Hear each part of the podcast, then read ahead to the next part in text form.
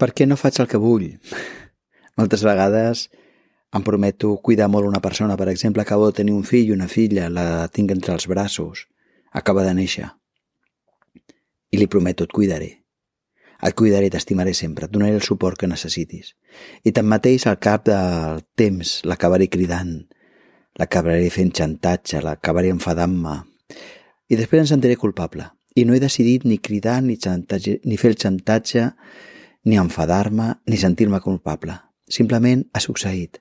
I la pregunta és per què no faig el que vull?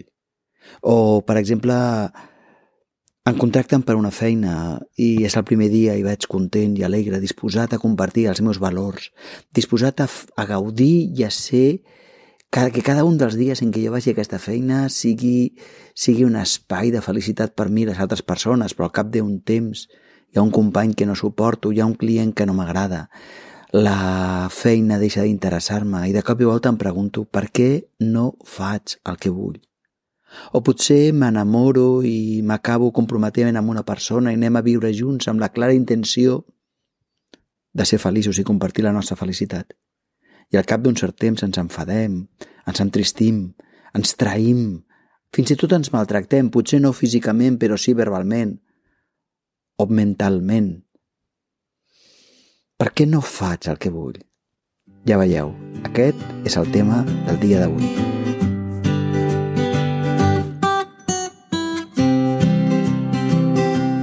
Benvingut, benvinguda al Quadern del Xerpa, un podcast en català sobre autoconeixement, creixement personal i espiritualitat pràctica que busca certa útil. El meu nom és Daniel Daniel Gavarró, i desitjo nutrir-te interiorment, abordant aquests temes amb senzillesa, però sense renunciar a la seva profunditat. Gràcies per ser aquí.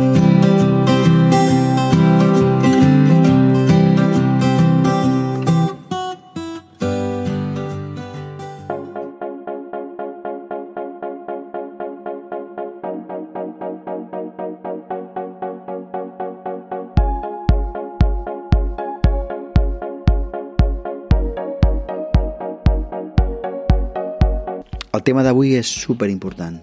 Per què no faig el que vull? Per què moltes vegades, com deia Sant Pau, volem fer el bé, faig el mal?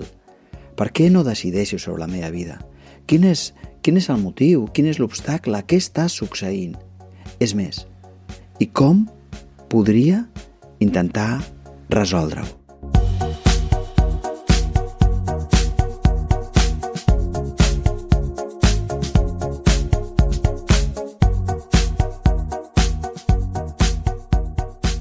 Moltes vegades no fem el que volem.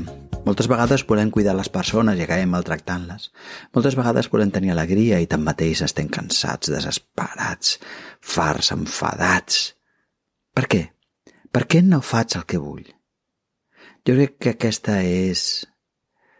és una pregunta fonamental de contestar i la contestaré. Però abans de contestar-la m'agradaria fer cridar-vos l'atenció sobre un fet fonamental. I és que molta gent encara no s'ha adonat que no mana la seva vida. Torno a dir-ho perquè és clau. Molta gent encara no s'ha adonat que no mana a la seva vida. I si un no se n'adona que un no mana a la seva vida, aquest ego, aquest personatge, aquesta programació, aquest paràsit, aquest, digue-li com vulguis, aquest error de la ment que ens fa que a vegades nosaltres no puguem prendre les decisions que volíem prendre en tota la saviesa i tota la consciència possible, aquesta part nostra continuarà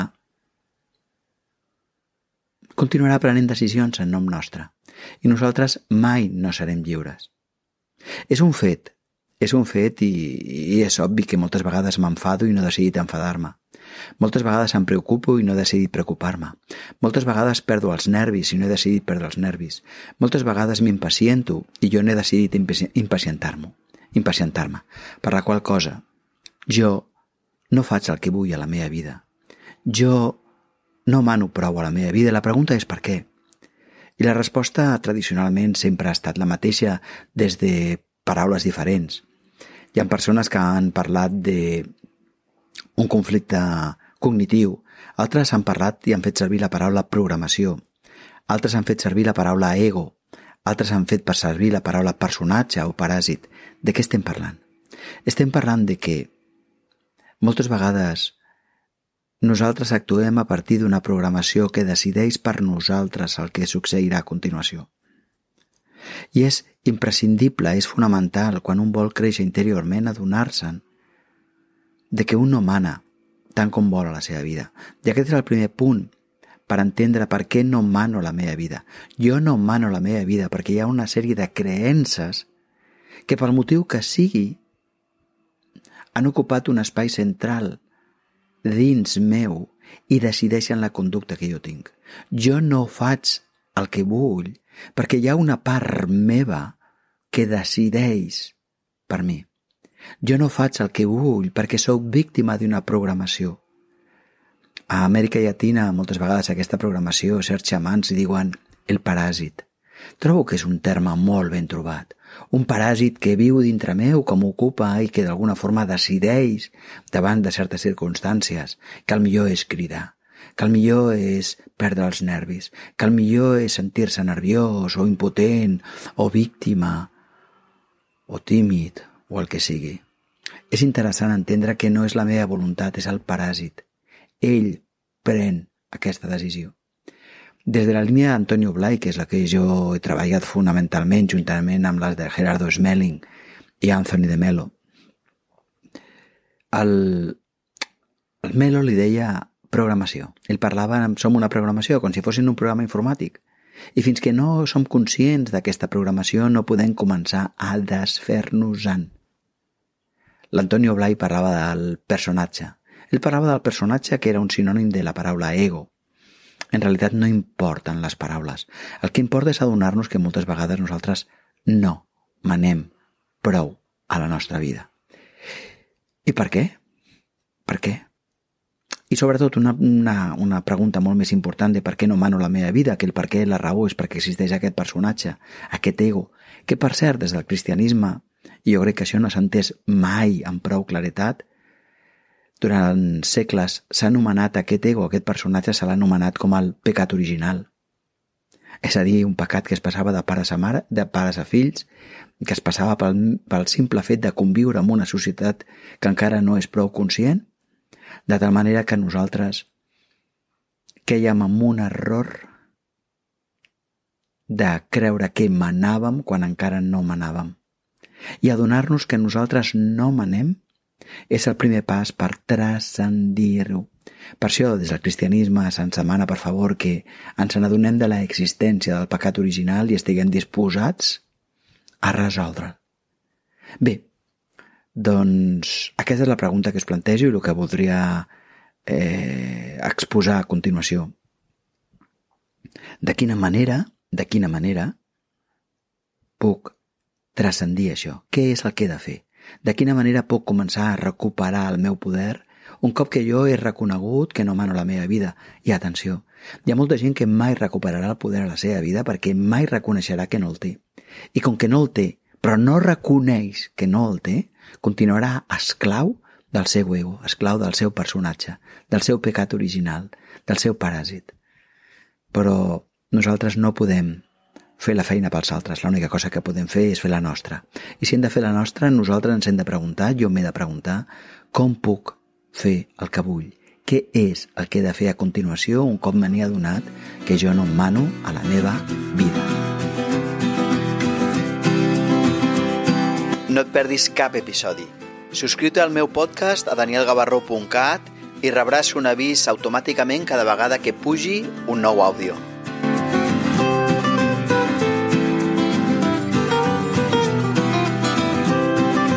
Què he de fer quan un cop que jo ja m'he adonat de que jo no mano la meva vida? Què és el que he de fer? De quina forma he d'abordar mm, el tema, el problema per arribar a alguna solució? Jo crec que la resposta és molt òbvia i tanmateix molta gent quan fa treball interior aquest pas se'l salta. Si jo me n'adono que jo no mano prou a la meva vida, necessàriament el que he de fer és observar aquest mecanisme, aquesta programació que em posseeix. Observar-la. Observar-la. Observar-la per veure com s'estructura, observar-la per veure quines són les seves parts, observar-la en la seva totalitat. I remarco la idea d'observar-la en la seva totalitat, perquè moltes vegades només volem observar el que no ens agrada i no ens n'adonem que també hem d'observar el que ens agrada.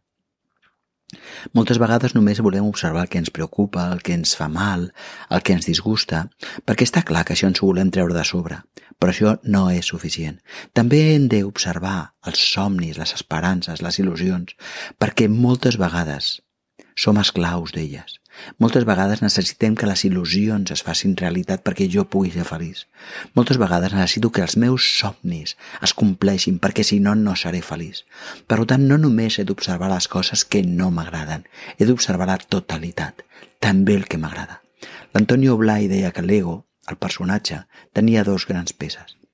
L'ego idea és a dir, tota aquesta sèrie d'idees que jo tinc sobre mi, totes aquelles coses que jo m'identifico, amb les que jo m'identifico, aspectes mm, de la vida mm, que no són jo, però que jo considero que, la, que les soc.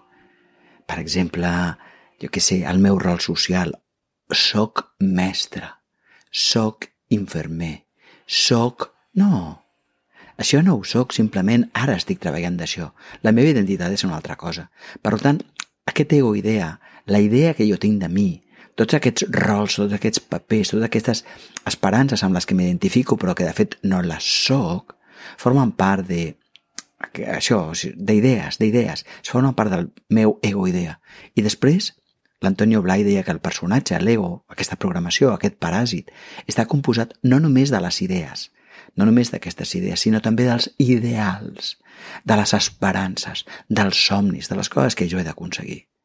I ell deia, i té molta raó, que aquestes eren molt més perilloses simplement perquè moltes vegades passen desapercebudes. Què s'ha de fer per tornar a, mir per, per tornar a manar la nostra vida?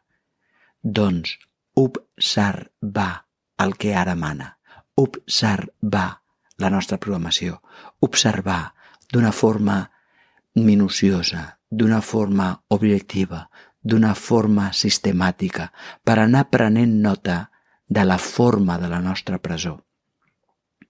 Això és fonamental. I tanmateix hi ha molta gent que quan fa treball interior no dedica temps a observar-se. Simplement vol canviar-se. Simplement s'esforça per transformar-se. Simplement lluita per canviar. I en realitat, aquesta lluita, aquest esforç, aquest voler, forma part de la mateixa presó. És a dir, és el mateix personatge el que ens diu no ets suficient, canvia, esforça't, lluita. I el que jo estic dient ara és que com molt important. No lluiteu, observeu. El desig de canvi també ha de ser observat. El desig de lluita també ha de ser observat, perquè forma part de l'ego ideal, del somni, de que algun dia nosaltres arribarem a ser perfectes. És a dir, si volem ser lliures, nosaltres hem de hem d'observar i renunciar a canviar. El que hem de fer és observar, com aquell que fa el mapa d'una presó. Però un cop que tinguem l'observació i l'hagin fet durant unes setmanes, durant uns mesos, i tinguem ja ben clara, gràcies als instruments d'observació, quina és la nostra presó? La pregunta és llavors. Llavors què he de fer? Perquè en realitat no he canviat res. Quin és el pas següent? Què és el que jo he de fer a continuació?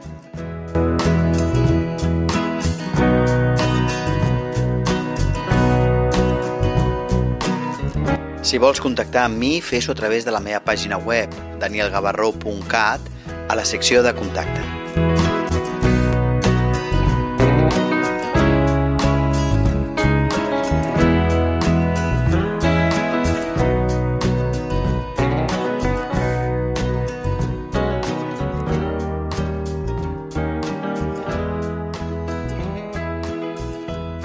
Un cop que jo he observat els mecanismes que em fan patir, ja siguin perquè són les il·lusions o perquè són les coses que no m'agraden, ja siguin perquè són els somnis o són les idees amb les que m'he identificat. Un cop que ho he observat això, d'alguna forma hauria de fer un diagnòstic. I aquest diagnòstic m'hauria de portar a concloure una sèrie d'accions que em portarien a reequilibrar la meva personalitat. A vegades aquestes accions tenen a veure amb incrementar el meu, la meva capacitat de comprensió. A vegades aquestes accions tenen a veure en incrementar la meva capacitat d'estimar. I a vegades les meves, aquestes accions tenen a veure amb incrementar la meva capacitat de fer. Perquè jo no seré lliure fins que no pugui mobilitzar la meva comprensió encara que el món no em comprengui. Jo no seré lliure fins que no pugui mobilitzar el meu amor encara que la gent al meu voltant no m'estimi. Jo no seré lliure fins que jo no pugui mobilitzar la meva capacitat de fer, al marge que els altres no mobilitzin la seva. És a dir, jo seré lliure el dia que pugui comprendre, estimar i fer al marge del que passi a l'exterior. Quan la meva conducta no depengui de l'exterior, jo seré lliure. De fet, l'única llibertat que podem tenir és la llibertat interna. La llibertat interna de que l'exterior no trenqui la nostra pau interior. Però ara no m'allargo amb aquest punt perquè justament vaig fer la setmana passada, si no m'equivoco, un podcast sobre què volia de ser lliures. El que estic dient en aquest moment és que un cop que nosaltres hem observat hem de fer un diagnòstic. Hem de veure de en, quin, en quina àrea de la nostra vida, quin focus, quina capacitat cal reequilibrar. Cal reequilibrar la capacitat de, de comprendre la capacitat intel·ligent, la intel·ligència. Hem de recuperar hem de reequilibrar la capacitat de sentir, la capacitat d'estimar, o hem de reequilibrar la capacitat de fer, perquè les persones humanes són bàsicament tres grans capacitats. Capacitat de comprendre, capacitat d'estimar i capacitat de fer. Quan tinguem les tres equilibrades, i això ho farem a partir del diagnòstic que parteix de l'observació, nosaltres serem lliures. En aquest podcast no em veig en cor de de mencionar les diferents accions que nosaltres podríem fer per equilibrar els nostres tres centres. Perquè per cada una d'elles poden haver unes 40-50 opcions diferents i estaríem massa temps en un podcast que vol ser curt i pràctic. Però com que vol ser curt i pràctic i et vol ajudar i no puc entrar en aquestes accions que tot sovint entro quan, quan estem fent un curs de, de, llarga, de llarga durada, per exemple el curs Aula Interior, que és un curs que dura tot un any. Dediquem un dia sencer a intentar descobrir, a veure quines són aquestes accions individuals. Però juntament amb aquestes accions individuals proposo una sèrie de, una, una sèrie d'accions que reequilibren la intel·ligència, l'amor i l'energia i que les, les puc recomanar per tothom. I aquestes accions es diuen les set eines – les set eines de l'amor. I si et sembla, dintre d'un momentet, te les explico molt breument, però més te, et, et dono unes pistes sobre a quin lloc les pots trobar d'una forma molt més àmplia perquè puguis treballar-les i les puguis portar a la teva vida. Atenció, et demano que les portis a terme a la teva vida, però després d'haver observat durant un cert temps tant les coses que no t'agraden de tu com les coses que més t'entusiasmen. Tant el que l'Antonio Blai anomenava ego-idea com el que l'Antonio Blai anomenava ego-ideal. I només després d'haver vist aquells punts, aquella estructura, aquella programació, aquella, aquelles coses que d'alguna forma a tu et fan patir, només després et plantegis aplicar les set eines de l'amor d'una forma conscient, perquè serà la, serà la forma més adequada de fer-ho sense que el mateix ego, el mateix personatge, perquè aquest és el gran perill, robi les set eines de l'amor. Perquè jo he vist durant molt de temps com moltes persones que diuen fer molt de treball interior, en realitat l'ego, la programació, el paràsit, el personatge s'apodera de tota aquesta informació i ells no canvien ni un sol mil·límetre. Bé, el, el tema és quines són les set eines de l'amor i de quina forma podria ampliar aquesta informació per, per aplicar-ho a la meva vida. Doncs si et sembla, en parlem d'això en un moment.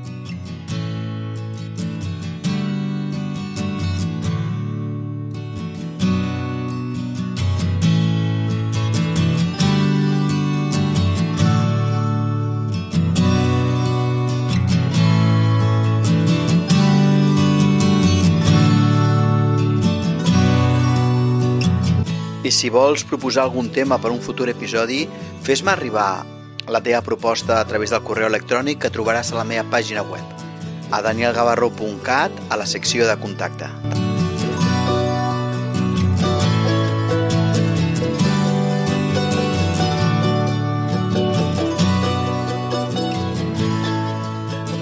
Existeixen set eines de l'amor que quan s'apliquen reequilibren la nostra personalitat i la reequilibren perquè ens demanen les tres capacitats bàsiques. Ens demanen tenir criteri, posar valors i amor i finalment actuar. És a dir, són set eines de l'amor que en realitat reequilibren el nostre centre, el nostre centre intel·lectual, el nostre centre emocional i el nostre centre energètic. Equilibren el que pensem, el que sentim i el que fem. Són set eines de l'amor molt concretes. I ara, si vols, te les, te les diré d'una forma molt, molt resumida, però no has de patir perquè amb la Nieves Machín, que és una dona molt sàvia de Madrid, vam escriure el llibre de les, siete, de les set eines de l'amor, que també la pots trobar en castellà, les siete herramientas de l'amor, que està publicat per Boira, Boira Editorial i que pots comprar a qualsevol llibreria o pots Mm, també pots comprar la pàgina web de boiraeditorial.com tant en català com en castellà. Però per si no, per si no acabes comprant el llibre, a mi m'agradaria dir-te les set eines quines són. La primera és actuar. Actuar renunciant a agradir a res ni a ningú, ni tan sols a tu, ni de pensament, ni de paraula, ni d'obra. La segona eina és adaptar-se adaptar-se a la feina que et correspon fer, renunciant a fugir, perquè creure que la felicitat està en un lloc diferent del teu interior és una il·lusió falsa. La tercera eina de l'amor és la valoració. Valorar. Valorar i gaudir intensament del tot el que tens i tot el que fas. I per tant renunciar a queixar-te, perquè la queixa et fa pobre la queixa és una forma de dir-li a la vida que et tregui això que tens. I clar, aquesta és la porta a la pobresa. La quarta eina de l'amor és l'eina del respecte. Respectar totes les persones en les seves idees, costums, creences, comportaments i en el dret que tenen a prendre les seves pròpies decisions. I això implica renunciar a criticar, a desqualificar, a jutjar, a condemnar, a castigar però també implica renunciar a salvar qualsevol persona de les conseqüències de les seves accions, perquè així poden aprendre del que fan. La cinquena eina és assumir.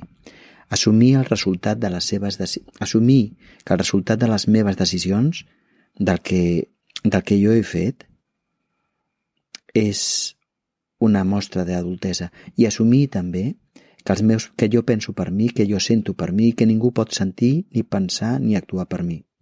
I per tant renunciar a culpar als altres pel que jo sento, pel que jo penso i pel que jo faig. I la sisena és agrair.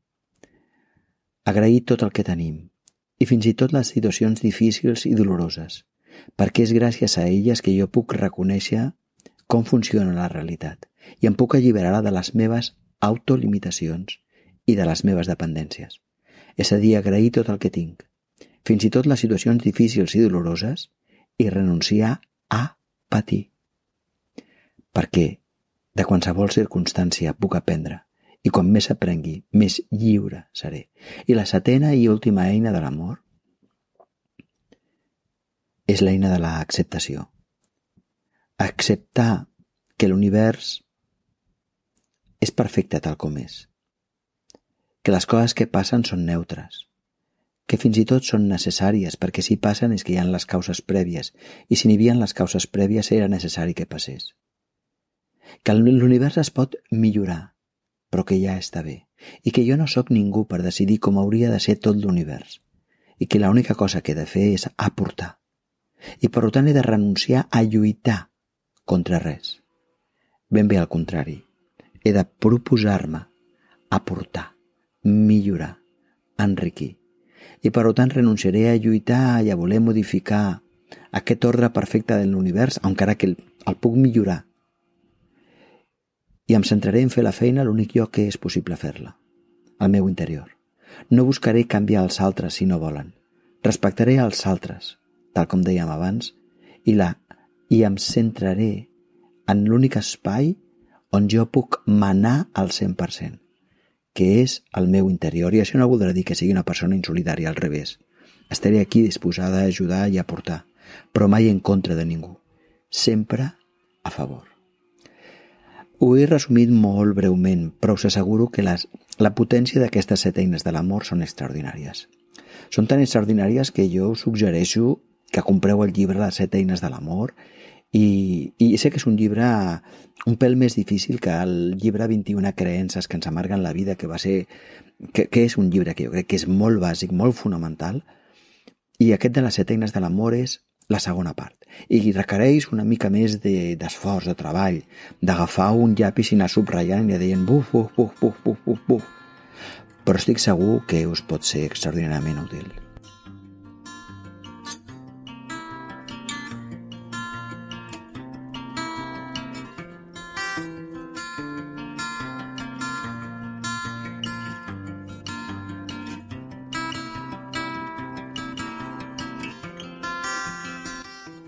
Recorda que allò veritablement útil en el treball interior és fer una feina ordenada, graduada i tutoritzada.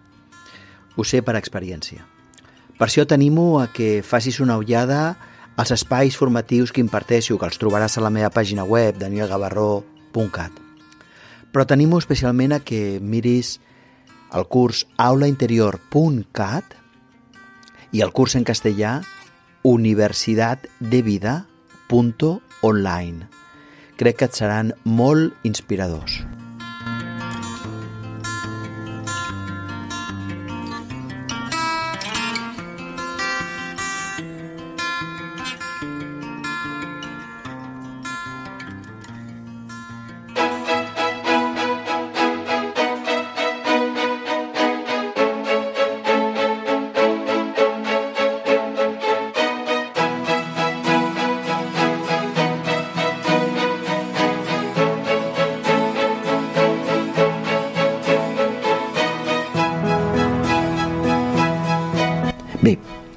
M'acomiado, espero que aquest podcast també no ho sigui, també us sigui inspirador i ens veiem la setmana que ve, si vols. Ja saps que si et subscrius al podcast rebràs al teu telèfon mòbil la informació conforme ha aparegut el, no, el nou i això es pot fer simplement baixant-se, per exemple, la app al mòbil de iVox i quan estàs escoltant un podcast clicar al botó de eh, em vull subscriure i ja està. Que tinguis un dia fantàstic.